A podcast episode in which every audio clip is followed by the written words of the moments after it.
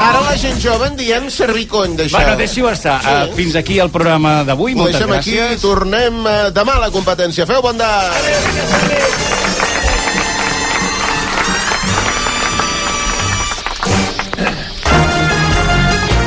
I ara en Marc Giró, amb el vostè primer. Bon dia, Marc. Molt bon dia, bon dia Xavi Rocamora, què tal? Bon dia. Males notícies hoy, eh, Núria Travessa, és? Hola, bon dia. Sí, a Badalona. Doncs sí, exacte, hem de començar aquest repàs amb una notícia d'última hora. Fa poca estona hem sabut que a Badalona s'ha esfondrat l'interior d'un edifici de 5 plantes i que els bombers hi estan buscant persones que hi podrien haver quedat atrapades. De moment no n'han trobat cap i tampoc hi ha constància de ferits.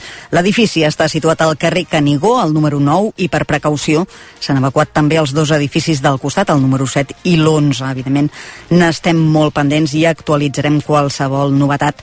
També estem pendents de la protesta del sector de la pagesia, que ha tret més d'un miler de tractors al carrer per protestar contra la burocràcia, els costos i la competència que han de suportar. Des de primera hora han tallat les principals carreteres a diversos punts del país i compta que és una protesta que volen mantenir de manera indefinida. Comprovem a aquesta hora quina és la situació a la xarxa viària amb el Servei Català de Trànsit, Sílvia de l'Amo. Per exemple, estan tallant una via principal a la P7 a l'Aldea, on hi ha creuats diversos eh, tractors. Si fem un repàs ràpid de les incidències més importants, a Ponent està tallada la A2 i la N2 a Mollerussa. A Pirineu, la N260 i la Nacional 145 eh, hi ha una marxa lenta cap a la Seu i la C13 una manifestació a sort. En el cas de la Penedès, a la N340 i la C15 tallades a Vilafranca. Gràcies, Sílvia. A les dues actualitzarem tota la informació al voltant d'aquestes mobilitzacions de la pagesia que, com dèiem, volen mantenir de manera indefinida. En l'àmbit polític, avui hem sabut que la llei d'amnistia no tornarà al ple del Congrés com a mínim fins a final de mes. La Comissió de Justícia té ara 15 dies per enllestir-ne un nou redactat, però podria allargar el debat encara dues setmanes més. Tot plegat mentre les negociacions continuen amb l'última proposta del PSOE sobre la taula, aquesta reforma de la llei d'enjudiciament criminal per evitar que les instruccions judicials s'allarguin. I estem pendents de molts altres temes, per exemple, com cada dimarts de la roda de premsa del Consell de Ministres que avui aprova l'augment del salari mínim interprofessional. Recordem que s'ha pujat un 5% fins als 1.134 euros bruts mensuals en 14 pagues i això afectarà dos milions i mig de treballadors, la majoria dones i nens. con, con Sánchez a venir.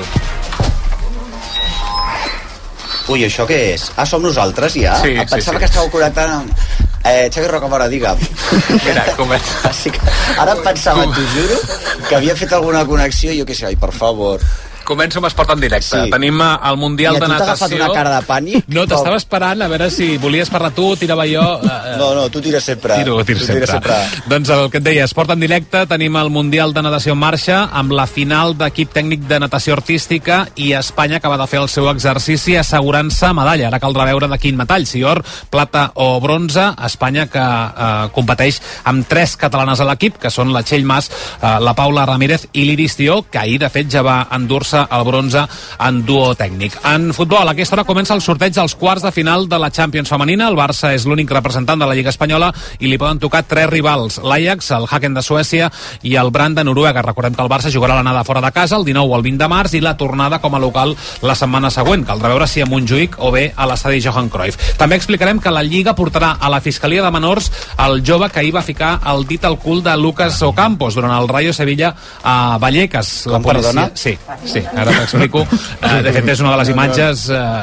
surrealistes que ens deixa la jornada de Lliga d'ahir en el Rayo Sevilla, que es va jugar a Vallecas, i al moment del partit, al minut 30 de partit més o menys, en què un seguidor del Rayo, aprofitant que hi ha molt poc espai entre la banda on hi ha els seguidors i eh, al camp, doncs quan Ocampos va anar a fer el servei de banda, un dels aficionats eh, va aprofitar per eh, ficar-li el dit al cul a Ocampos intenció? De fer la gracieta amb, eh, amb el seu col·lega que tenia al costat de, Però això és una assegut. agressió, no? Sí, tal qual. finger. Un toco finger. Eh, sí, però eh, amb això perquè a mi també, ja vaig explicar l'altre dia que a vaig anar, un dia vaig anar a una festa i un senyor m'ha ficat el dit al cul sense avisar. Ah, sí? Ah, Home, no, no ho sabia. I això és una agressió. To, o sigui, que tu et Bueno, fiquis el dit al cul no és una gracieta, és una agressió. Doncs s'està estudiant com a tal No trobes? i el que et deia, la Lliga ja ha portat el cas a, Ja a la Fiscalia decidirem de Menors. nosaltres si volem que ens fiquin el dit al cul o no. Que per altra banda ho hem decidit altres vegades. ¿Sabes? Mhm. César, què tal estàs? Muy bien, encantado. Fenomenal.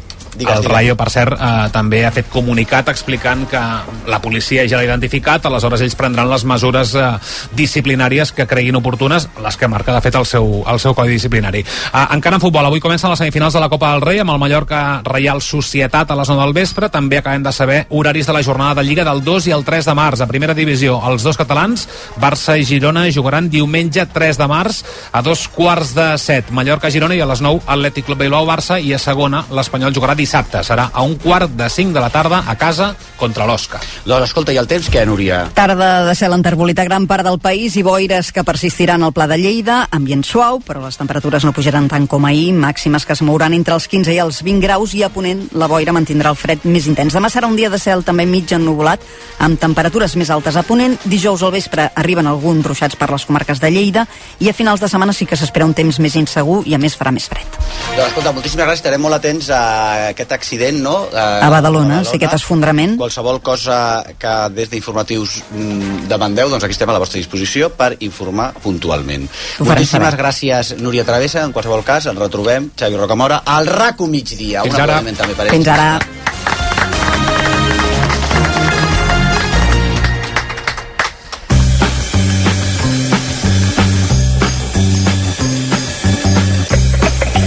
Vostè primer.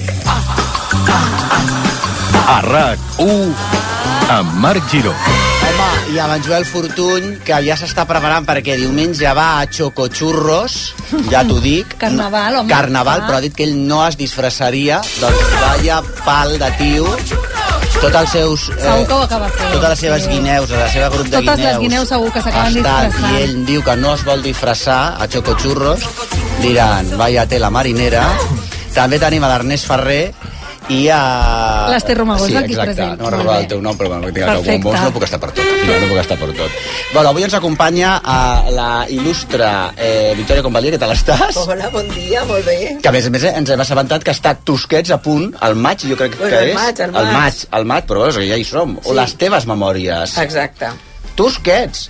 Tusquets, és un honor, eh? Estic posaràs molt a la port- emocionada. Ah, estàs molt- Bueno, estic buscant la foto de la portada. Clar, i què serà? Bueno, què? he d'estar sèria, però no massa. He de... Clar, ha de ser una massa, ha de ser atractiu, atraient, clar, clar, bueno, clar, ja la veureu. misteriosa, ha d'estar misteriosa, però atraient, has d'estar... Pensa que és dels anys 80, la foto, eh? Clar, clar, clar. Home, però en sigui, aquella època... em veig molt jove, Escolta una cosa, hi haurà marro, perquè clar, tu ets una de les Sí. dones que més coneixes sobre el món de l'art i també sobre la societat catalana i espanyola, diria, i has estat als grans salons, has estat a les cabanyes i als palaus. I per tant, hi haurà marro o no hi haurà marro? Sí, jo crec que una miqueta, tampoc em passo, però, No, no, però qui ho llegeixi es farà una idea de- una mica de l'art a et- Espanya. I et crearàs eh, enemics, alguns enemics, encara més? Hi ha dos o tres. Hi ha dos o tres que potser... que ja ho són, eh? És que ja ho són, no? Sí. Fantàstic. I apareixeran aquí, i Sí. se- vius o morts? Eh, Els enemics, dic. Una o dos viva. Són enemigues. Però, bu- però bueno, ja m'és igual. Home, i tant! Home, meva escolta, quin interès. Sí. És que s'ha de tenir enemics a l'alçada, perquè Clar. si no... I vives, sobretot. Clar, jo, els si no tens enemics... enemics és que no fas res de, que interessa que realment. interessi o tal, sí. Bueno, tenim el César Suárez també, que parlem de Paco de Lucía. Un aplaudiment para el César Suárez, el periodista, ¿qué tal estás? Muy bien. Muy bien, tú eres un experto en Paco de Lucía, ya sí. Sí, Ja totalmente. Sí, totalmente, no? Però abans, senyors i senyors, tenim l'honor de rebre avui al programa a Txell Feixas, periodista internacional, que ha estat corresponsal a Beirut i enviat especial a les zones d'enfrontament com Síria i Afganistan, i a més a més és Ole Tu, Premi Nacional de Periodisme i Mitjans de Comunicació. Brava! Brava, brava! Premi compartit amb tu, eh? Ole! Bueno, però tu, a tu te'l van donar de periodisme i de comunicació. Va arribar a donar mil de periodisme i era un tongo com una casa de pagès. Mira, comunicació que és qualsevol cosa encara, no? Però, escolta una cosa, Txell. Eh, nosaltres fa molts anys que ens coneixem perquè vam coincidir a Madrid quan jo treballava a Mariclis, tu treballaves a la delegació de Catalunya Ràdio a Paseo del Prado. Sí. I eh, ara fixa't tu com ens hem de veure. Premiades nacionalment. I saps què, Qui què no pensava Què? ara quan et sentia? Sí. Que, que admiro absolutament la gent. Jo vinc d'informatius, Sí. soc eh, dona d'informatius, Ja i han de tenir una paciència amb tu. Jo no podria fer un butlletí amb tu concentrant-me, perquè Ja. tot el rato els, els avies, el d'esports especialment, el de especialment. i pensava, una, un aplaudiment per aquesta gent Sí, que, que ella volen sempre- informar sí, malgrat sí. tu. Malgrat jo i malgrat eh, Donald Trump. Tot, jo crec que, és més per, jo crec que s'han de preocupar més per Donald Trump que per mi, però bueno, escolta'm una cosa. A veure, com has rebut tu el... Tu ets, eh, ara estàs de periodista internacional al 3CAT, no? Que Sí. això és... Eh, tot, o sigui, pel mateix preu pots estar... cata- Et fan fer TV3, cròniques per Catalunya TV3, Catalunya Ràdio. Ràdio i, el que, i, lo que, i No, Instagram. ara per ara també. TV3, però Ah. si es dona, fem tot. Molt bé. I. I llavors, has estat corresponsal a Beirut, enviada especial a diverses zones d'enfrontaments com Síria i Afganistan, però primer vull dir com, uh, si, com has rebut aquest premi de periodisme nacional. Tu estaves molt emocionada el dia que el vas rebre allà a l'Aliança del Poble Nou. Jo estava nerviosa perquè tu feies el discurs abans que jo, Bueno. ell va aixecar la platea Sí. i jo estava a la butaca pensant, a veure, No, com fer les meves bromes, eh, no sóc graciosa Però ni... tu no ni... tenies bromes, tu vas fer una cosa molt sentimental que ens vas fer plorar tots, filla meva. Clar, però era després dels aplaudiments que et van fer tu i això era molt complicat, eh? Bueno, però mira, Clar, clar. Un eh, repte. Bueno, Un a ell l'havien de posar l'últim per aixecar la platea. Home, T'entenc. els premis, el, el, el Premi Ondas va ser l'últim Bueno, ultimíssim. De totes maneres, eh, el, bueno, perdona, es van donar, tú no lo sabes esto, pero se dieron los Grammys ayer o antes de ayer, me dieron uno, de mejor cantante solista, pero dijo, yo no puc, hi ha més premis, és a dir, I'm so sorry, però no pienso venir, I'm not coming, tu, eh, perquè Taylor, va trucar a Taylor Swift, y que, eh, hello, que, digo, Taylor, yo no puedo ya con más premios, porque paso de la gloria, o sea, yo, ¿sabes qué? No, es que me da igual. Quiero vivir tranquilo. Quiero vivir tranquilo, es que me da igual ya, o sea, no quiero ya, estoy, yo estoy ya, no necesito ya más validación, saps que no, bueno.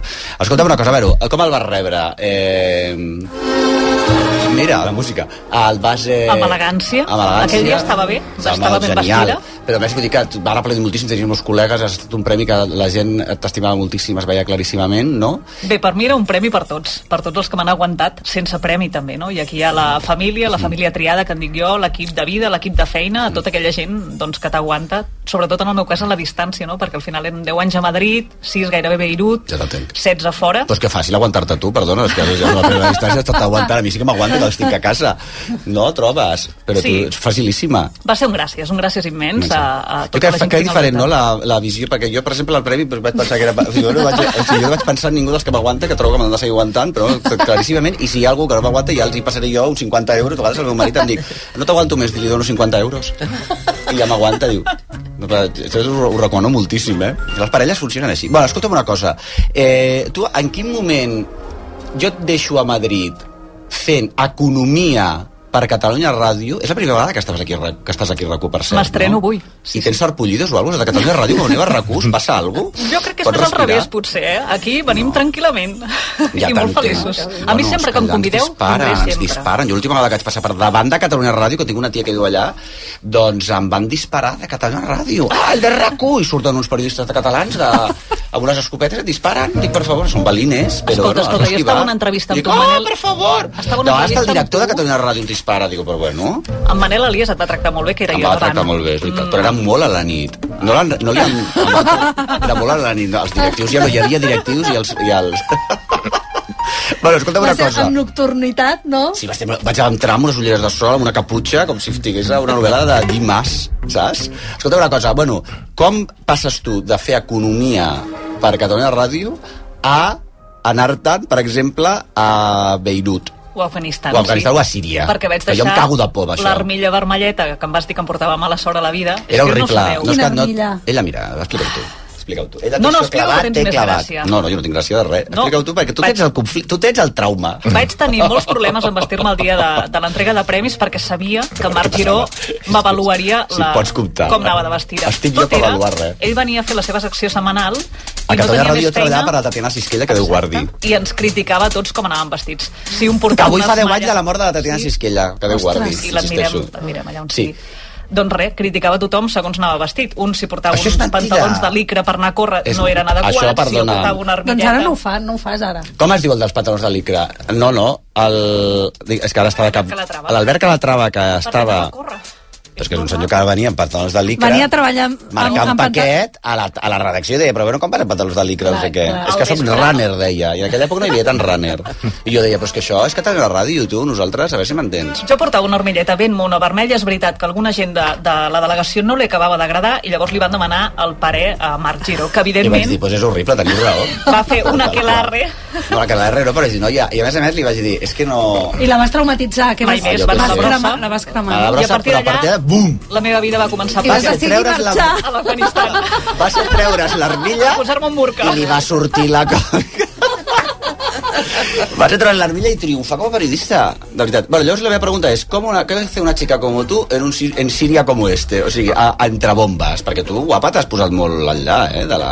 Mira, uh, ministres com De Guindos o Montoro o Solbes, uh, jo feia economia 10 Ja, ja, anys ja. i em van acabar fent explotar el cervell i vaig pensar que una guerra era millor que una Sí, crisi que- financera, realment. Totalment. I, I ho ha estat. No, Però no tu tenies aquesta vocació, perquè a vegades parles amb, amb corresponsals de guerra, jo de petit No. volia ser corresponsal a la guerra, no sé no sé quantos, No, no, tots els tirs, jo portava no? 10 anys allà i allò començava a ser molt cíclic. Pressupostos, IPCs, PIBs, aturs, resultats de companyies, molt avorrit. Ja. I volia fer alguna més així, periodisme de pell, més de pell tot.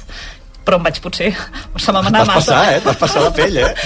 Sí, no sé, vaig arribar a Beirut de volem provar i ara no, crec que no sabria fer una altra cosa. Una cosa que fa tu del teu periodisme, que jo crec que es, va, que es valora molt, no? perquè bueno, a, a, quan et van donar el premi, un exemple de periodisme rigorós, home, només faltava, valent i compromès, però sobretot, jo crec que tu a les teves cròniques, que per això jo crec que són, no? que per això ens les mirem, no? Que tenen Victòria, un ara que ho segell- dèiem. un segell un especial, sí. però perquè està, perquè vas a la, a la, a la persona, tu sí. li dius a la, al que està allà, li dius, va, escolti senyora, això com va? Expliqui'm. No, perquè jo sóc la primera que quan veig la, la televisió i em posen les imatges de Cebre, quan m'expliquen un conflicte, faig zapping, perquè estic farta de les fumaroles, de, eh, els trets, les bombes, no? Vull dir, si em posen una persona amb qui empatitzi una mica, doncs Mhm. igual em connecto. I si és una dona que durant anys i anys no ens les han explicat, només posant el té al marit, fent-li les cures al soldat, i, i hi ha dones molt guerreres, heroïnes anònimes, que, que quan jo vaig arribar allà vaig pensar, hòstia, això existeix? Mhm. Doncs jo ho, ho he d'explicar, no? I després de, t'ho van comprar, perquè això també s'ha de tenir un editor després, a, o sigui, de, de, de la redacció, hi ha d'haver algú que digui sí.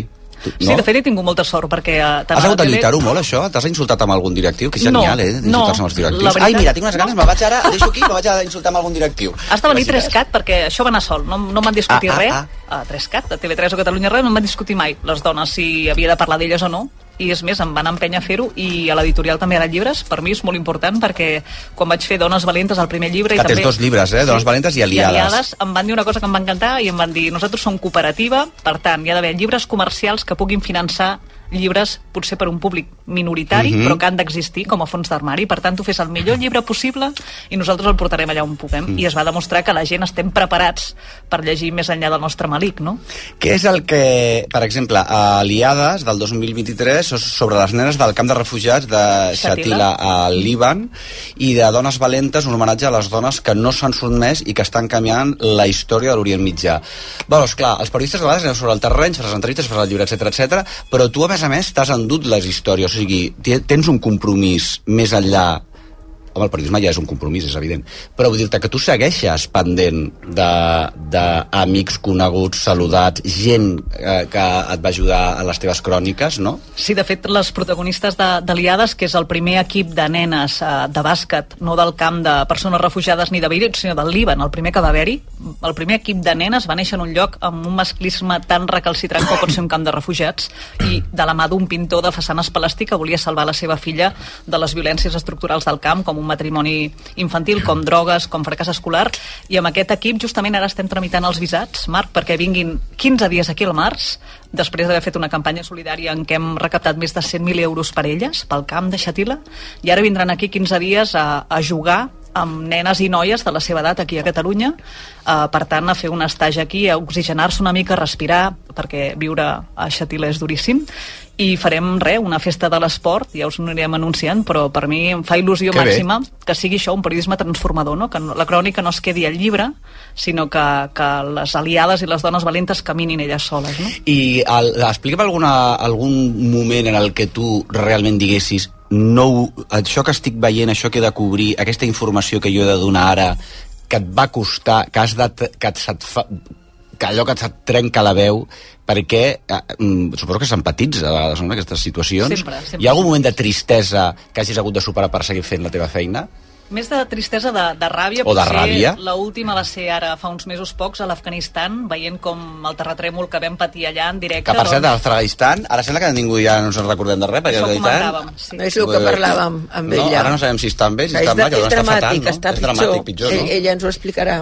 Per mi el moment més complicat crec que, que he tingut d'explicar és això, no? arran del terratrèmol Mm. que vam viure nosaltres també allà, eh, doncs havien d'obrir fosses comunes perquè els cementiris doncs, ja estaven plens i el que estaven doncs, enterrant eren milers de dones, mares i nens, infants, per què? Perquè els talibans doncs, eh, les obliguen a estar tancades a casa i, per tant, els seus habitacles es van convertir en taüts per a aquesta part de la població. No? I el que era una sensació meva, que era veure forats plens de dones i nens... eh, Morts. ho confirmaven la gent que anaven a buscar els cadàvers voluntaris casa per casa i després Nacions Unides va confirmar que 8 de cada 10 víctimes d'aquell terratrèmol eren dones i nens perquè tu veies només homes eh, als funerals que deien se m'ha mort la germana, la mare, la filla, la cosina, la tieta i no hi havia homes, no? Mm. perquè els homes estaven disfrutant amb els nens fora de la vida que les dones no podien fer, no? I veure com una política eh, afecta també un desastre natural com aquest, com incideix, per mi va ser, bueno, molt colpidor.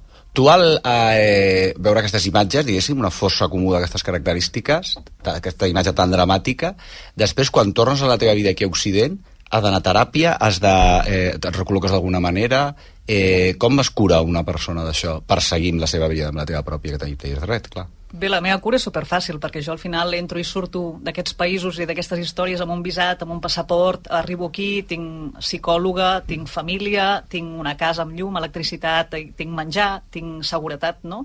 Per tant, el meu acompanyament és fàcil de fer perquè tinc una xarxa amb qui fer-lo, però sempre penses, eh, jo crec que et resitues, malgrat vens adolorida, et resitues quan penses com continua la gent la gent Mhm. d'allà, no? Vull dir, arribant d'Afganistan jo em sento trencada, però penso, per exemple, en la Rihanna, no? una nena de 14 anys que, que vam anar a entrevistar i que s'havia begut el lleixiu de la cuina de casa perquè amb 14 anys la volien casar, la pagaven i, i no podia anar a l'escola, perquè ara les nenes no poden anar a l'escola, i deia, què em queda a mi com a nena? Si no podré ser la dona que vull ser, si no puc ser la nena, no puc somiar, doncs em trec la vida.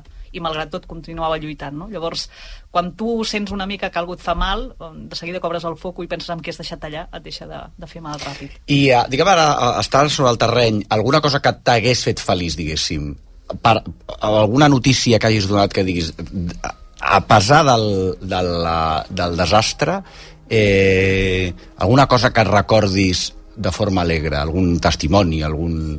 Doncs mira, just amb fent, explicant cròniques i cròniques, veient com les dones arriben a empoderar-se. Quan jo vaig arribar al Líban hi havia un article al Codi Penal que permetia que un violador s'escapés de la presó si es casava amb la nena violada. I això estava en vigor quan jo el 2017 arribo allà. I a força de fer performance i, i manifestacions molt doloroses per les noies, perquè a vegades les detenien, les pagaven, les, els hi feien de tot, Si jugaven la pell. doncs a força de performance com per exemple tot d'activistes vestides de, de vestits de núvia blancs però ensangonats per evidenciar amb gases, amb muletes, amb ulls morats anant pel carrer d'aquesta manera van aconseguir no amb la pressió internacional sinó amb les dones del lloc amb valentonades van aconseguir que es derogués aquest article. No? Per tant, quan veus que les dones del lloc, a vegades des d'aquí volem alliçonar-les, no? que aquí en sabem molt de feminisme i anem als països dels altres a ensenyar com es fan les coses, doncs allà era una mostra per mi de com elles van soles i se les ha de deixar fer i les coses acaben passant. No? Carai, anem a canviar radicalment de tema perquè tu, amb tu est- estic fora de temps, eh? però quan, eh, quan estaves a Madrid eh, tenies de veïns els, eh, els, eh, Els fills els fills de, de Rafael. Rafael. Ah, sí? Ah, no? Però si ens han dit... Ens han dit que tenies de veí de El replà... Ah, no. Sí, sí. Bueno, jo havia vist el... el... Havia, no, no el, els fills, però jo havia vist el pare. El Rafael? Sí, Però tu el- tenies de veí, tu qui tenies de veí? No, i tenia, com es deia, aquell polític um, que es va fer implants al cap. Bueno, això buenos tant, filla, això cap pista, perquè- Aquell que sí, el... Ai, no em surt el nom. Però Rafael que venia? Venia a veure aquest... aquest, aquest... No, i, però és que aquell pis, a més, hi havia les Azúcar Moreno a dalt, Però tu també. on vivies, filla meva? Jo vivia a Paseo del Prado, eh, davant Ah. del Museu del Prado, amb una piscina a dalt, on les Azúcar Moreno feien de tot, de tot. Home, I ja clar. s'havia ofegat gairebé gent en aquella piscina, Mira. de com anaven, i de fet volien posar un, un, un, això, un socorrista perquè donava per molt. Escolta una cosa. I tu vas pujar amb... El Bono, José Bono. Ah, és José que em Bono, trobava jo a clar. l'ascensor i em deia buenos días, señorita, quan anàvem Bueno, al congrés. doncs, escolta, però escolta una cosa, però el José Bono, clar, perquè el José Bono era consogre de... Anava a veure la seva filla. Ah, clar. I el meu Clar. pis abans era de l'Alicia Sánchez Camacho. Ah, carai, però Carai. la filla sí que us instal·laven bé, aquesta No, TV3. allà es podia fer un llibre. Però i quin edifici era? El mateix de Catalunya Ràdio? No. Jo, el del costat, jo baixava a vegades amb pantufles, Ah, sí, sí. forro polar, el monyo, pum, les lleganyes, quan em feien entrar a Era l'interventora... duplex el teu? No. Jo una vegada vaig anar allà a, a buscar, a, a, a, a, si em llogaven un pis. però era caríssim. I vaig dir, pues ja em quedo a lavapiés. No hi ha... Ascensor social no està funcionando. Todo lo que debería, vaig pensar. Bueno, escolta una cosa. I el cava, no? Tu hi ha una època que vas estar de cava i Coca-Cola, anaves de cava i Coca-Cola. Continuo amb el cava. Sí, Deixa i la Coca-Cola. bueno, mira, to, menys mal, menys mal. És que t'anava a dir de Coca-Cola. M'haurien de fer ambaixadora del cava. Crec que allò de la reina del cava de Sant Sadurní ja no es Home, fa. Però jo, no? jo em postulo. No, per favor, i tant. Home, he venut més cava jo pel món. Que, que, Te l'enviava, que no? La teva mare Codorniu. t'enviava en cava, no? Sí. sí, sí. sí. I ho fan, ho fan. Fan, fan. Però acaba per tot, eh? Per dinar, per No, no, per, per qualsevol... esmorzar. A per partir de les esmorzar, 12 no és un problema. Jo tinc calculat que quan són les 12 i un minut ja no hi ha cap problema darrere de Ja t'entenc, cava. ja t'entenc. Saps? Bueno, bueno, bueno, bueno. Bueno, doncs escolta. Carai, que, menuda jefaza, menuda jefaza. Bueno, escolta una cosa, Txell Feixer, estem molt contents que hagis vingut aquí. Premi Nacional de Periodisme i Mitjans de Comunicació. Té dos llibres, Dones Valentes i Aliades, eh, a tots dos a Ara Llibres, veritat. La podeu escoltar a les seves cròniques a, a TV3. TV3 i a 3CAT. És que dieu 3CAT, però Bueno. clar, si ja està TV3, que vaya al liu per aquesta gent, Trescat no? no és I ara. Catalunya Ràdios, Txell. és el paraigua. És el paraigua, és el paraigua 3CAT. I, però també abans d'escoltar 3CAT, escolteu RAC1, m'entens? Que dius de, això el primer, primer RAC1 i després ja totes les coses aquestes. Escolta una cosa, un aplaudiment, moltíssimes gràcies.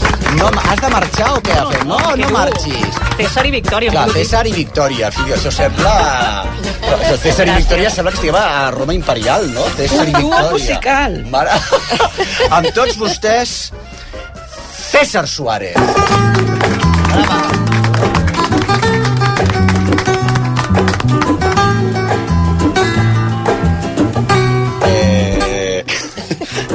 Montado muchísimo a caballo y una amiga mía en el públic avui que també va començar a mi a muntar l'Anna Ferrer. Ole, l'Anna, guapa! I nosaltres fèiem... Ole, sí. I fèiem... Érem, eh, érem molt petites, no, Anna? Sí, sí, sí. Posa el micro a la meva amiga, ja veuràs. Muntàvem a cavall i el... I el mm, tu encara vius a la Vall d'Aran? Què dius, diu? Encara vius a la, a la Vall d'Aran? Bueno, fins fa poc sí. Ara l'any passat ja vaig vendre el Vas a- pis. I ara, Dejé el, perquè el estàs- ex marido allí. Ah, ex-marido, Vida Villanueva, nueva, Barcelona. Villanueva, Barcelona, però estàs molt bé, tia, eh? Home, tu comencem a també. Tenir, no, tenim una edat, filla meva, però et veig No! esplèndida. Calla, que estem a la ràdio no es veu. Però dic una cosa, ella, nosotros montábamos a cavall i eh, el como dos aguas, eh, o entre aguas, Entre com- dos aguas. entre dos aguas del Paco de Lucía, doncs la utilitzàvem de vegades per fer reprisa de Sí, doma clàssica. tant. I venga, Sí. con el caballo, se movían perfecto los caballos con I esto. tant, I tant i que tant. sí. Bueno, a ver, eh, has escrit César Suárez, El enigma de Paco de Lucía. El enigma Paco de Lucía. El enigma Paco de Lucía. Primera pregunta, ¿por qué es un enigma? Tothom, no? Aquesta pregunta, pues venga. Pues Yo creo que era un hombre muy misterioso, ¿no? Eh, tenía esa- ese, ese rostro, esa- esos gestos enigmáticos, esa manera de tocar la guitarra, que, que- que veías que algo le, le- le- le bullía por dentro, a la vez que, que te enganchaba con su música. Todo el mundo conoce su música, ¿no? Pero en el fondo él es un, un gran desconocido como, como ser humano, como figura. Al llibre, El enigma Paco de Lucía, César Suárez, a Lumen, eh, jo te conozco de fa temps perquè tu, a més a més, ets eh, editor, com és lo tuyo? Redactor jefe de Telva, no? Eso es. De fa molts anys, a més a més, de la revista Telva, eh, i t'aprecio de fa anys. I aún así te puedo decir, con total sinceridad, que el trobo un llibre extraordinari, però per dos razones, perquè està molt ben escrit, te lo digo yo que soy lector, ja, bueno, sense, sense, fis- sense màscares, te lo digo, i després perquè, és clar, si et vols introduir, si saps de flamenc, no decepcionarà. I si no saps de flamenc, que seria el meu cas, perquè esto el flamenco és inconmensurable, sobre todo para los payos, te debo decir, eh, és una molt bona porta d'entrada per, per, per descobrir un món increïble a través de Paco de Lucía. Bueno, jo et proposo, te pongo música de Paco de Lucía y tú me vas dient lo que te salga Com- del, del com- moño. como quieras. Por ejemplo, esto que está sonando que es Entre dos aguas. Que yo y mi amiga la hacíamos con los caballos. Entonces, ¿eso qué? Mira, Entre dos aguas tiene algo que ver por enganchar con Victoria de con Rafael. Bueno, se la ¿eh? Si quieres Perdón. enganchar con Victoria, reenganchar. con Rafael, porque es un momento en el que Rafael está... Si quieres enganchar con Victoria, ya te da su teléfono. Engancho con las dos. Puedes enganchar con las tienes para dos. todas, ¿no? Tienes para todas. Ole, ole, ole el macho español. Y, y es un momento, esto pertenece, esta, esta rumba es de un disco que se llama Fuente y Caudal y Paco de Lucía es muy conocido en el mundo flamenco, pero era inaudito que un artista flamenco eh, fuera popular, más allá de, de- de los, de, de los gustos del flamenco y del público del, del flamenco. Entonces, eh, Jesús Quintero, el, el que luego sería loco de la colina, eh, coge a Paco Lucía, el- el- su manager, se hace su manager y dice, ¿por qué no vas a ser tú un Rafael, un Camilo VI? Porque está, y, y- y pone esta canción en discotecas, Pero esta, en esta radios. canción y el disc eh, era, fue- era un fracaso. Nadie compró este Nadie, disco, con- nadie, nadie- lo conocía, no, se tenían iba- las copias amonto- Se iba a amontonadas. descatalogar hasta que Quintero le... Dijo, "Qué ojo, Quintero", sí. ¿no? ¿Y vendieron cuántas copias? Vendieron 300.000 copias, se puso número uno, los 40 principales sonaban en todos lados y se y, y Paco de Lucía se puso de moda, que él, él luego decía, yo no estaba preparado para esto, o sea, su, su Este fue uno ámbito- dels problemes no, que va tenir Paco de Lucía, segons cuenta su mujer en el mismo libro, perquè has parlat amb la família, o sigui, ha fonts boníssimes, Sí. eh, que aquesta fama mundial, el convertirse en un ídolo, el va torturar. Sí, le, le- le da la vuelta a la cabeza, le sobrepasa. Vamos a escuchar otra canción, a ver, a ver. si la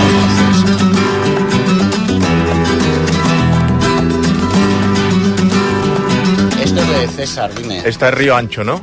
Río Ancho, Río sí, Ancho. señor. Ten points, ten points para ti.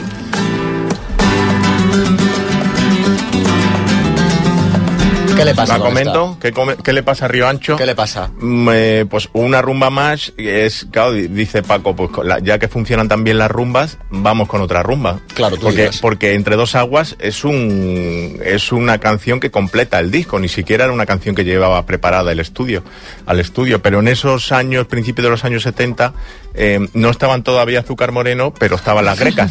Claro, y tal. Eh, y, y estaba Manolo Sanlúcar, que saca otra rumba que se llama Caballo Negro. ¿Y Bambino? Y No. estaba Bambino, estaba Bambino, que, que es eh, un palmero de, de Bambino, es el que le deja una habitación para que duerma a Camarón cuando llega a Madrid con 15, 16 años a buscarse la vida. Todo, todas, hablo de la vida de Paco Lucía, pero como tú decías, eh, un- de, todo el, el flamenco y todos los personajes que rodean ese mundo. I ¿no? sobretot el llibre explica molt bé el, eh, el que havia estat el flamenc, el flamenco gitano, el flamenco flamenco, el flamenco de los suburbios, el flamenco de quejido, el flamenco de, de, triste i que de, el drama del flamenc, diguéssim, que estava, era un reducte de, de la comunitat gitana, com passa d'això a fer-se mm, popular i, i obrir-se al món, diguéssim, no? Aquest, a, a Paco de Lucía és fundamental en este tránsito, ¿no? A pesar de los flamencos y a pesar del mundo. Sí, sí, es el... el Él y otros, ¿no? Pero Sí, él es el, eh, digamos, el, el eje y el, la principal estrella de, de la revolución que se da en el flamenco en esos años.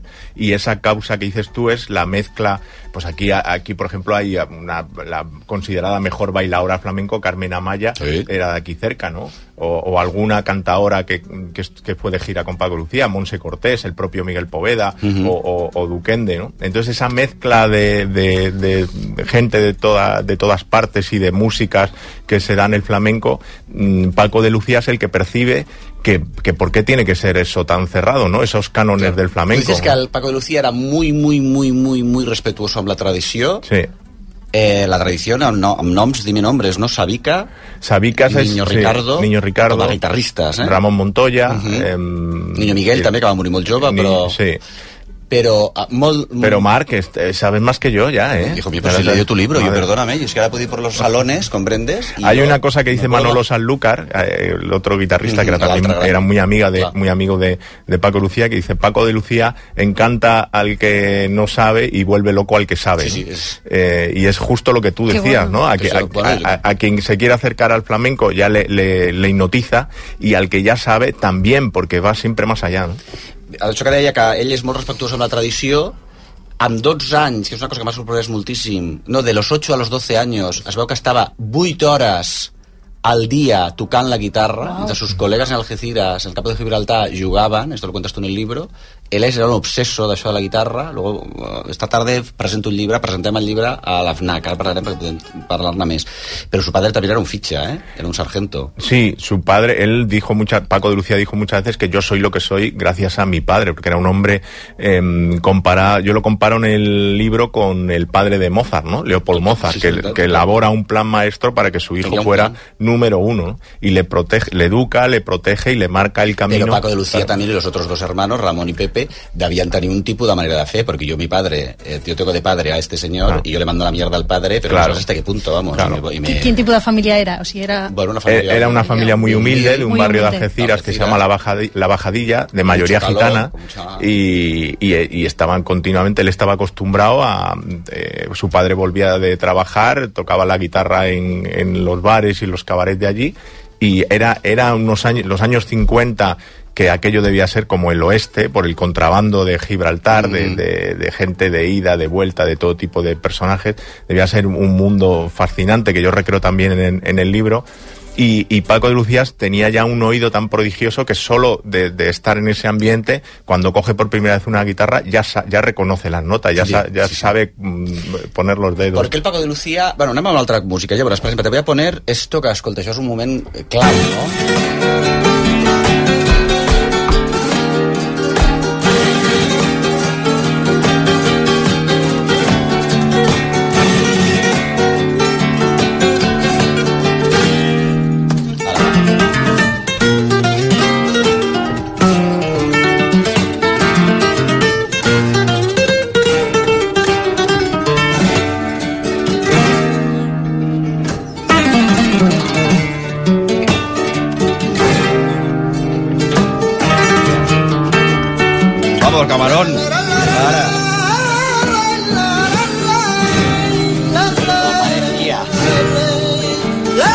Camarón de la Isla.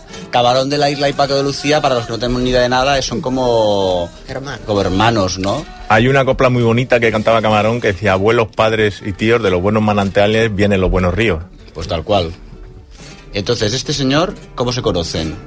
Se conocen en, en Madrid cuando Camarón viene a buscarse la vida, como hacían muchos eh, andaluces y extremeños y gente del sur que subían a los tablaos en esa época de tablaos donde conviven además con estrellas de Hollywood, ¿no? Que hemos visto de, la Saba Gardner, etcétera, el Corral de la Morería. el- y, y Paco de Lucía ya había grabado algunos discos porque era un niño prodigio, ya había estado en Estados Unidos de gira con una compañía de baile con solo 15 años y, y entonces cuando ya se conocen eh, eh, eh, bajan a Jerez, coinciden en una fiesta y le, al final de la fiesta le dice Camarón a Paco, vamos a verla a, a casa de los parrillas, a ver la, la gitana recién levantada, verás qué guapas están.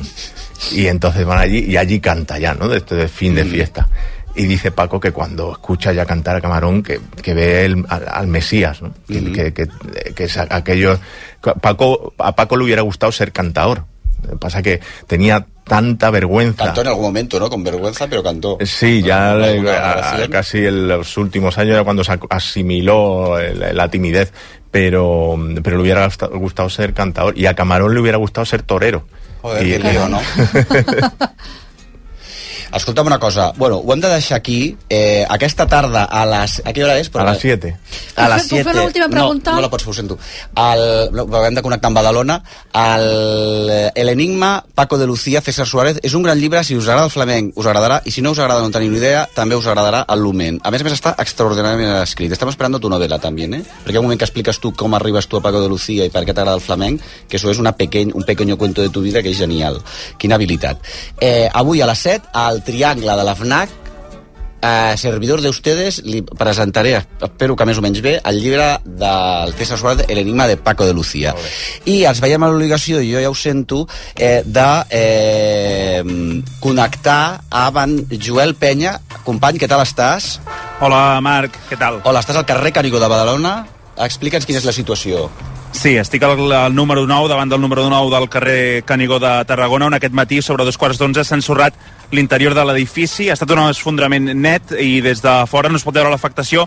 Tot i això, des de dins sí que s'ha ensorrat des de l'àtic fins a la planta baixa. Ara mateix el que estan fent els serveis d'emergència i de seguretat és mirar de localitzar tothom qui viu en els 20 habitatges de l'edifici per saber si hi ha algú atrapat a les runes. Uh, ho ha explicat ara mateix el cap del Servei d'Emergències de la regió metropolitana nord, Eduard Martínez. No descartem cap possibilitat. Uh, ara mateix estem en el procés, com els deia, d'afiliar a tothom, intentar localitzar les persones que vivien en aquest edifici i en el moment en què, en què comencem uh, les maniobres de desenrunament uh, doncs uh, podrem verificar si realment doncs, hi ha persones a l'interior o no. Aquesta és la feina que estan fent fora de l'edifici. A dins, Martínez ha explicat que les runes arriben fins al primer pis abans de començar a desenronar, per tant, eh, ja apunta que hi haurà molta feina per aconseguir-ho. És un edifici, com deien, de 5 plantes en total i a aquesta hora no pateixen perquè hi hagi un col·lapse secundari. Els bombers han desallotjat també els edificis del costat, que tenen 20 habitatges cadascun, i estan mirant també si l'estructura és segura perquè tornin a les seves cases, perquè expliquen això, que ha sigut un esfondrament net i que, per tant, no pateixen perquè l'estructura pugui, pugui fallar. Això amb la informació que tenim a aquesta hora. I perdona, Joel, jo no sé, Joel Penya, no sé si a... Joel Penya des del carrer Canigó de Badalona s'ha esfondrat un edifici eh, i jo no sé si ho has dit o jo m'ho he perdut, però voldria saber si se saben les causes o ja s'apunta les causes o encara és massa d'hora. No, encara és massa d'hora per saber les causes. Eh, ja et dic, la, la, la primera, el primer que estan fent ara mateix els cossos d'emergència és intentar localitzar tothom qui viu en aquest edifici. Eh, com com t'explico, ha caigut eh, net, és l'interior d'edifici que ha col·lapsat, no l'estructura exterior, i, i per tant, abans de començar eh, el, el desenrunament, volen localitzar tothom qui hi ha dins per a saber si pot haver-hi algú a les runes o Ah, no. et volia preguntar, Joel, també, el, per la gent que no coneixem Badalona, quin tipus de... Aquí és al centre, és a, a, al, al centre de Badalona, quin tipus de barri és? Eh, és un És- barri és un- popular, és un barri residencial, hi ha botigues... És un barri residencial. És un barri residencial, està tocat de, de, de l'autopista, del C31, perdó, i, i és, és, vaja, és, és un barri on, de, de, amb vivendes d'aquestes que són edificis de 5-6 plantes, Mhm. adosades entre elles, per tant això, és, és un barri popular i, i residencial. Doncs escolta, Joel Penya, moltíssimes gràcies. Eh, des del carrer va, eh, Canigó de Badalona seguirem informant, aquí a RAC estareu informats eh, a partir ara de, ja ho deixem amb els companys del RAC migdia, no? Fantàstic. Gràcies, eh? A vosaltres, I fins ara. sort, i sort. El Martí és un propietari que es vol vendre el pis per 250.000 euros. La Sara es vol comprar un pis com el del Martí. A la Sara i al Martí els creuarà el destí? No, els creuarà Housefy Connect, la tecnologia de Housefy que troba el comprador ideal tres vegades més ràpid. Informa't a housefy.com. Sí, Housefy. Quan fa que no vas al dentista? Fes d'instituts odontològics el teu dentista de confiança i aconsegueix el teu millor somriure. Demana cita ja al 900 131 002 o a ioa.es. Si el que necessites és sentir això, necessites la Setmana del Carib de viatges al Corte Inglés. Gaudeix de Punta Cana amb tot inclòs des de 900 euros i reserva ara des de només 15 euros. A més, sense despeses de cancel·lació, trasllats des de la teva ciutat i si trobes un preu millor, te l'igualem. Consultant les condicions de viatges al Corte Inglés. Festa ara de Legalitas i sent el poder de comptar amb un advocat sempre que ho necessitis. Truca gratis al 900 106 08 o entra a legalitas.com. RAC1 presenta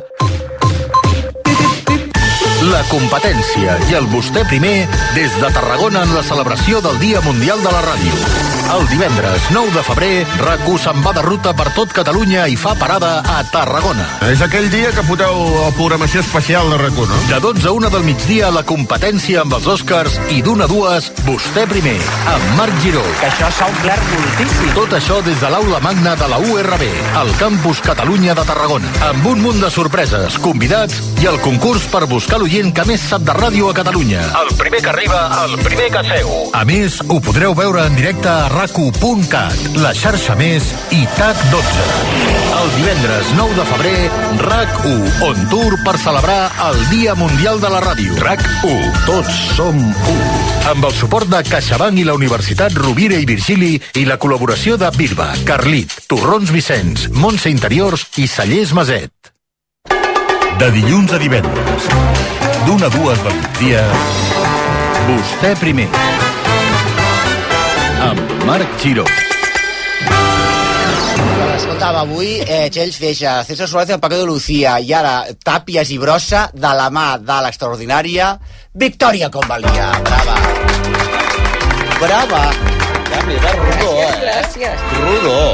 A veure, escolta'm, Victòria, Mm. eh, avui ens vols parlar d'un llibre que és Joan Brossa i Antoni Tàpies amb cor de foc, correspondències 1950-1991, edició acurada de Manuel Guerrero Brullet, editat magníficament per Galàxia Gutenberg. Que genial, no, Galàxia Gutenberg? Sí, és boníssima. Una, una boníssima, boníssima editorial.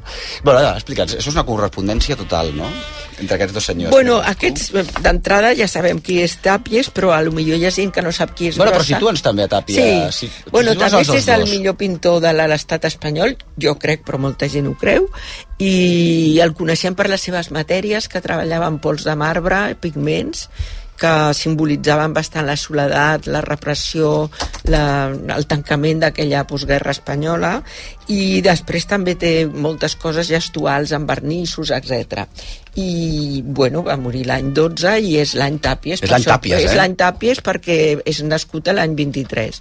I el Brossa era molt amic d'ell, molt diferents també de, de classe social, perquè el Brossa era d'un estrat popular Mhm. i el Tàpies era de molt bona família, i el Brossa és un poeta molt variat i excepcional, molt antisentimental, i que sobretot parla del, podríem dir, del moment en si, no? I també té poesies antifranquistes que li van ser censurades en el seu moment, sobretot als anys 70, i, i Brossa també és l'autor al- en els anys 80, però pensades en els anys 60-70, Mhm. d'uns poemes objecte que són preciosos, com La carta i el martell, bueno, Són preciosos. i molt, són preciosos. Perdona, això que has dit que Brossa eh, eh, està per la transcendència del moment en si, el moment Sí. en si què és? A veure si... Bueno, per exemple, que ella ens faria, bueno, m'ho invento, però ens faria un poema aquí dient, pues, mm, són cinc persones, no veuen quasi bé aigua, sortiran per la porta, Ja. yeah. el sol llueix. Això és el moment ja en si, està, eh? És el moment en si, o sigui, m'ho invento, però ell faria Sí, sí. coses així, Ja molt, molt breus, i també pues, passa un home, mm, el que sigui, una senyora es troba un mocador de la butxaca, o sigui, coses molt... eh, és bastant postdadaista, i a vegades també hi ha la cosa de l'absurd, mm Mhm. però de la poesia del moment en si. Del moment en si. Sí. Llavors, escolta un moment, eh, ells es coneixen per què es coneixen? Com arriben a conèixer i per què? Bueno, es coneixen el, el grup de 10 al 7, que era aquesta revista estupenda que feien el Bros, el Tàpies i després el Joan Pons, l'Arnau Puig, el Cuixart i el que els hi feia d'editor era el Joan Josep Terrats, Mhm. que té una primera un primer moment del 48 al 51 interessantíssim La perquè- revista. la revista perquè parlen de coses que en, el, en la postguerra franquista mm, no és que no estiguessin de moda, és que no interessaven a ningú perquè hi havia un acadèmic oficial i ells parlen de Wagner, parlen del romanticisme, la màgia, Mhm. la bruixeria, cosa que estava com prohibida parlar d'aquestes coses i, i amb els seus dibuixos és on ells que tenen 20 i pico d'anys Que eren molt joves, eh? Eren molt joves, el Brossa ja tenia 30 mm, pues publiquen per primera vegada ja ja es fan íntims amics Una de la, una, un dels temes del llibre és la decadència d'aquesta revista, no? Un dels, una, Sí. el, el, el, de les cartes es cartegen, perquè Sí. es cartegen on, està, on són? Són a Barcelona tots Bueno, dos? eh, Tàpies havia tingut la, la beca de l'Institut francès, Mm. la beca Mayol, i estava a París, i és molt interessant veure que senyora de Catalunya i de la família i els amics, però que per una altra banda, com a Ràfols i Guinovar i tots els que van anar amb la beca Mayol, descobreix el món de les avantguardes i la llibertat d'expressió i diu aquí es pot de dir el que vulguis clar, És la democràcia. Que Clar, és la democràcia. Sí, sí, de vegades, sí.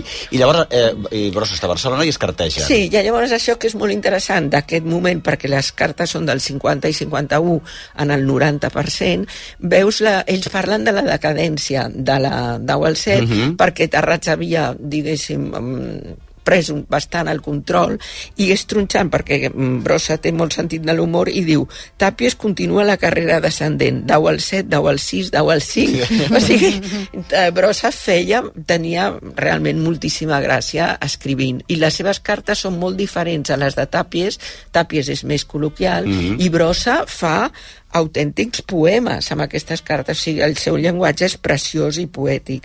Hi ha un moment que li diu ànim, tàpies, ja veuràs com el proper huracà que desencadenis netejarà del tot el mar. Carai. Eh? Quina, quina meravella. El, clar, es- el, el, aquest recull de cartes, editat per Galàxia Gutenberg, aquesta correspondència eh, comença el 1950 i acaba el 1991. Hi ha molta diferència entre el que es deien, perquè ells estaven, quan mor Tàpies o quan ells dos eh, són grans, no sé si estaven molt contents un amb l'altre. Bueno, la amistat va anar degenerant. Sí, la cosa és que quan jo vaig conèixer tots dos i vaig ser amiga de tots Mhm. dos, i va haver un... Jo, jo, Sortirà a les teves, a les teves sí, memòries, eh? sobretot surt molt brossa perquè Mhm. era el meu veí. A més a més. A, a més a més, i jo era el seu telèfon, un dia si vols par parlem d'això. Sí, home, tu has estat el telèfon sí, de brossa. Sí, sí, jo era el seu telèfon i ell baixava a les 12 al matí amb un barnús de color ja marrón perquè era molt, molt, molt poc net i, i llavors jo li deia Joan, edició 62 o sigui, jo era el seu telèfon sí.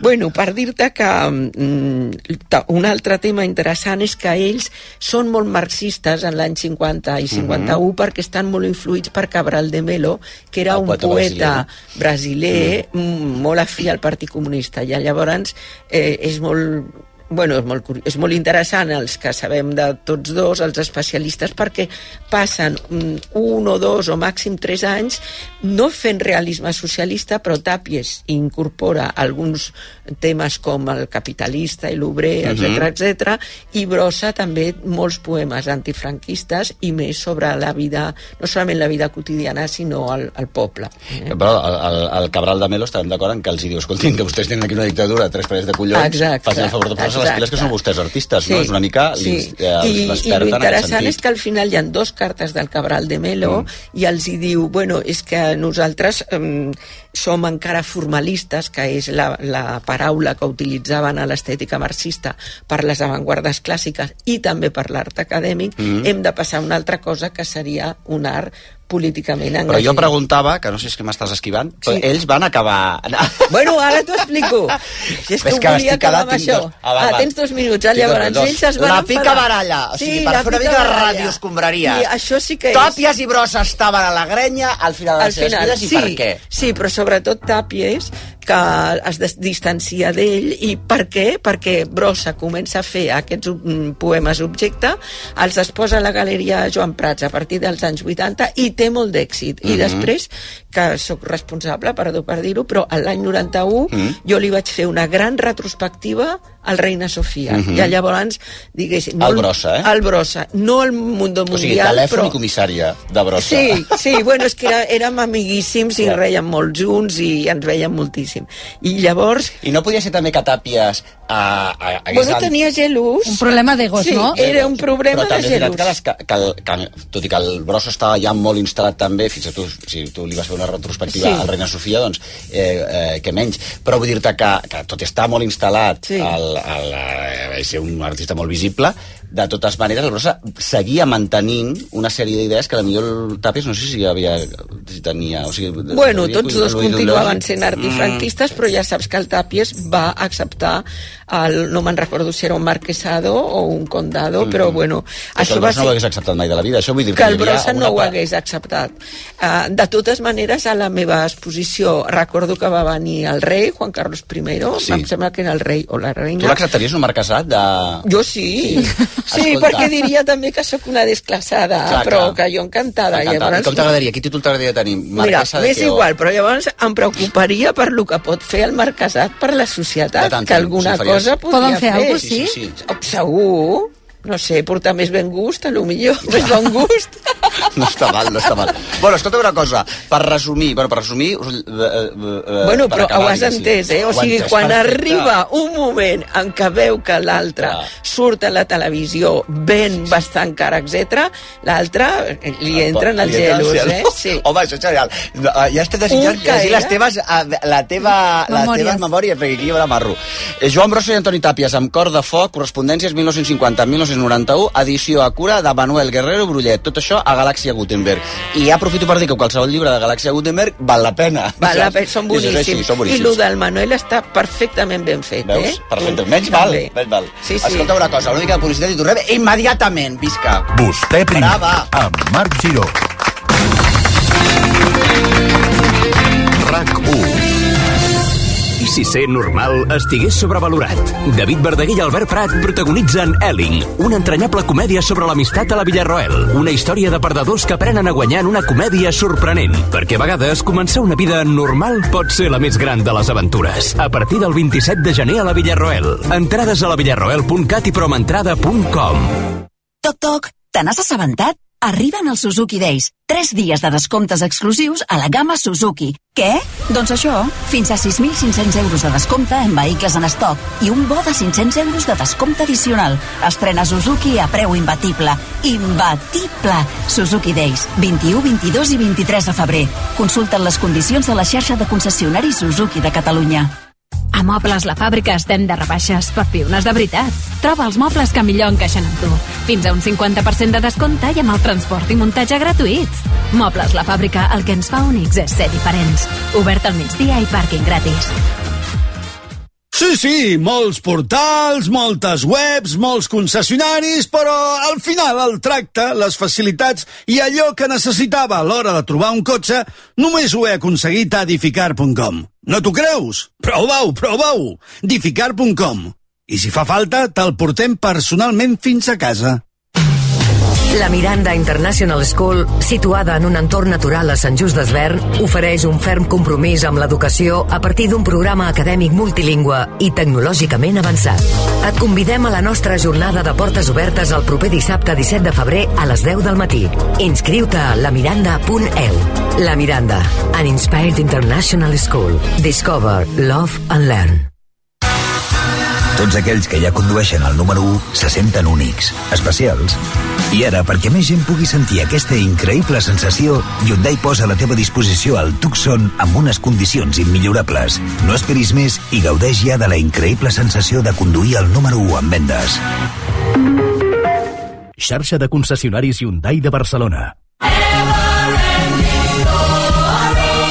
Una història com la vostra es mereix el millor musical de Barcelona. Aquest Sant Valentí regala La història interminable i aprofita la nostra promoció especial. El musical que ja ha enamorat a milers de persones al Teatre Apolo. Aconsegueix les teves entrades a lahistoriainterminablemusical.com Deportivo i One Sixteen presenten el màster final de The Paddle Cup by Cupra. El 17 i 18 de febrer al Bella Paddle Center d'Alacant s'enfrontaran les millors parelles del circuit de la primera edició, amb el patrocini de Cupra, Wilson, NTT Data, Intimíssim i Uomo, Mau, Adeslas i Alcom Viatges.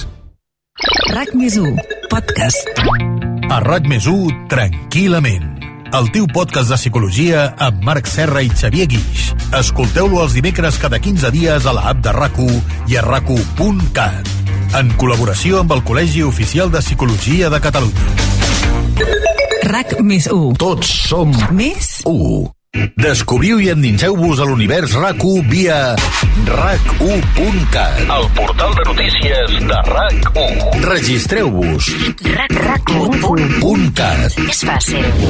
Estem acabant, però abans, Esther, per favor, digue'ns, per favor, això tan important. Mira, que quatre de les millors actrius catalanes intentaran escalar el Fitzroy només fins al 17 de març al Teatre Borràs. És Són genial. Sílvia Bell, Míriam Iscla, Sara Espígol i Mima Riera.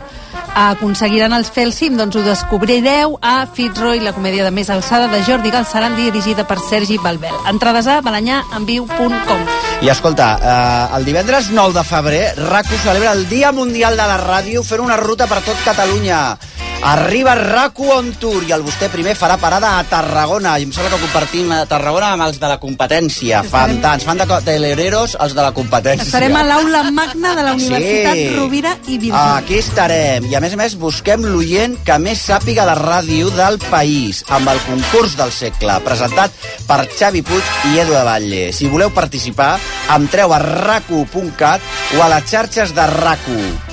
Escolta, em podeu guanyar, entre d'altres, un assortiment de productes Birba trinxat de la Cerdanya Carlit, xecs de mons interiors, lots de torrons Vicenç i ampolla de vins i caves, caves, de mira. celler Macer. Una- una ampolleta no- cap a mi. És una cosa increïble. Txell Feixes, moltíssimes gràcies, estimada. Gràcies. César Suárez, ens trobem avui a les 7 a parlar de Paco de Lucía al Triangle de la Illa. Ai. Victòria Convalia, ets una estrella sideral. Gràcies per venir. Fins demà. RAC, RAC, Informació, actualitat, esports, entreteniment, al mòbil, a la tauleta, en podcast, en aplicació, en ràdio, RAC1. Tots som un. Amb la col·laboració del Departament de la Presidència de la Generalitat de Catalunya. Si el que necessites és sentir això, necessites la Setmana del Carib de viatges al Corte Inglés. Gaudeix de Punta Cana amb tot inclòs des de 900 euros i reserva ara des de només 15 euros. A més, sense despeses de cancel·lació, trasllats des de la teva ciutat i si trobes un preu millor, te l'igualem. Consultant les condicions a viatges al Corte Inglés. Si mentre gaudeixes en una platja brasilera el teu cap encara és a casa patint per si t'entrarà algú, aleshores t'interessa l'assegurança de la llar de línia directa, que és tan completa que més d'estalviar-te calés inclou cobertura per ocupació il·legal i s'encarrega de tot allò que importa en cas que t'ocupi l'habitatge. Perquè sempre estiguis tranquil. Canvia't i t'abaixem el preu de l'assegurança de la llar sí o sí. Vine a directe a líniadirecta.com o truca al 917 700 700. El valor de ser directe. Descobreix les novetats i els millors espectacles d'aquest febrer amb entrades d'avantguàrdia. Gaudeix del musical Los Chicos del Coro al Teatre Coliseum, de tots els concerts al Festival Guitar BSN i del Museu de l'Art Prohibit amb obres que han estat censurades o retirades. Entrades ja a la venda a entradesdavantguàrdia.com, el teu portal d'entrades de confiança. RAC1. Vols ser l'oient que més sap de ràdio a Catalunya? Vine a jugar amb nosaltres i opta a guanyar grans premis. El divendres 9 de febrer, RAC1 organitza a les quatre capitals catalanes el concurs del segle. Què farem? Farem un joc entre els oients per celebrar els 100 anys de ràdio a Catalunya, amb eliminatòries el divendres dia 9 durant els programes a Lleida, Tarragona, Barcelona i Girona. Els guanyadors de cada eliminatòria competiran a la gran final, el dimarts dia 13 al versió RAC1. Exacte! Entreu a rac1.cat per saber com apuntar-vos-hi. A RAC1 busquem l'oient que més sap de ràdio a Catalunya. RAC1. Tots som un. Amb el suport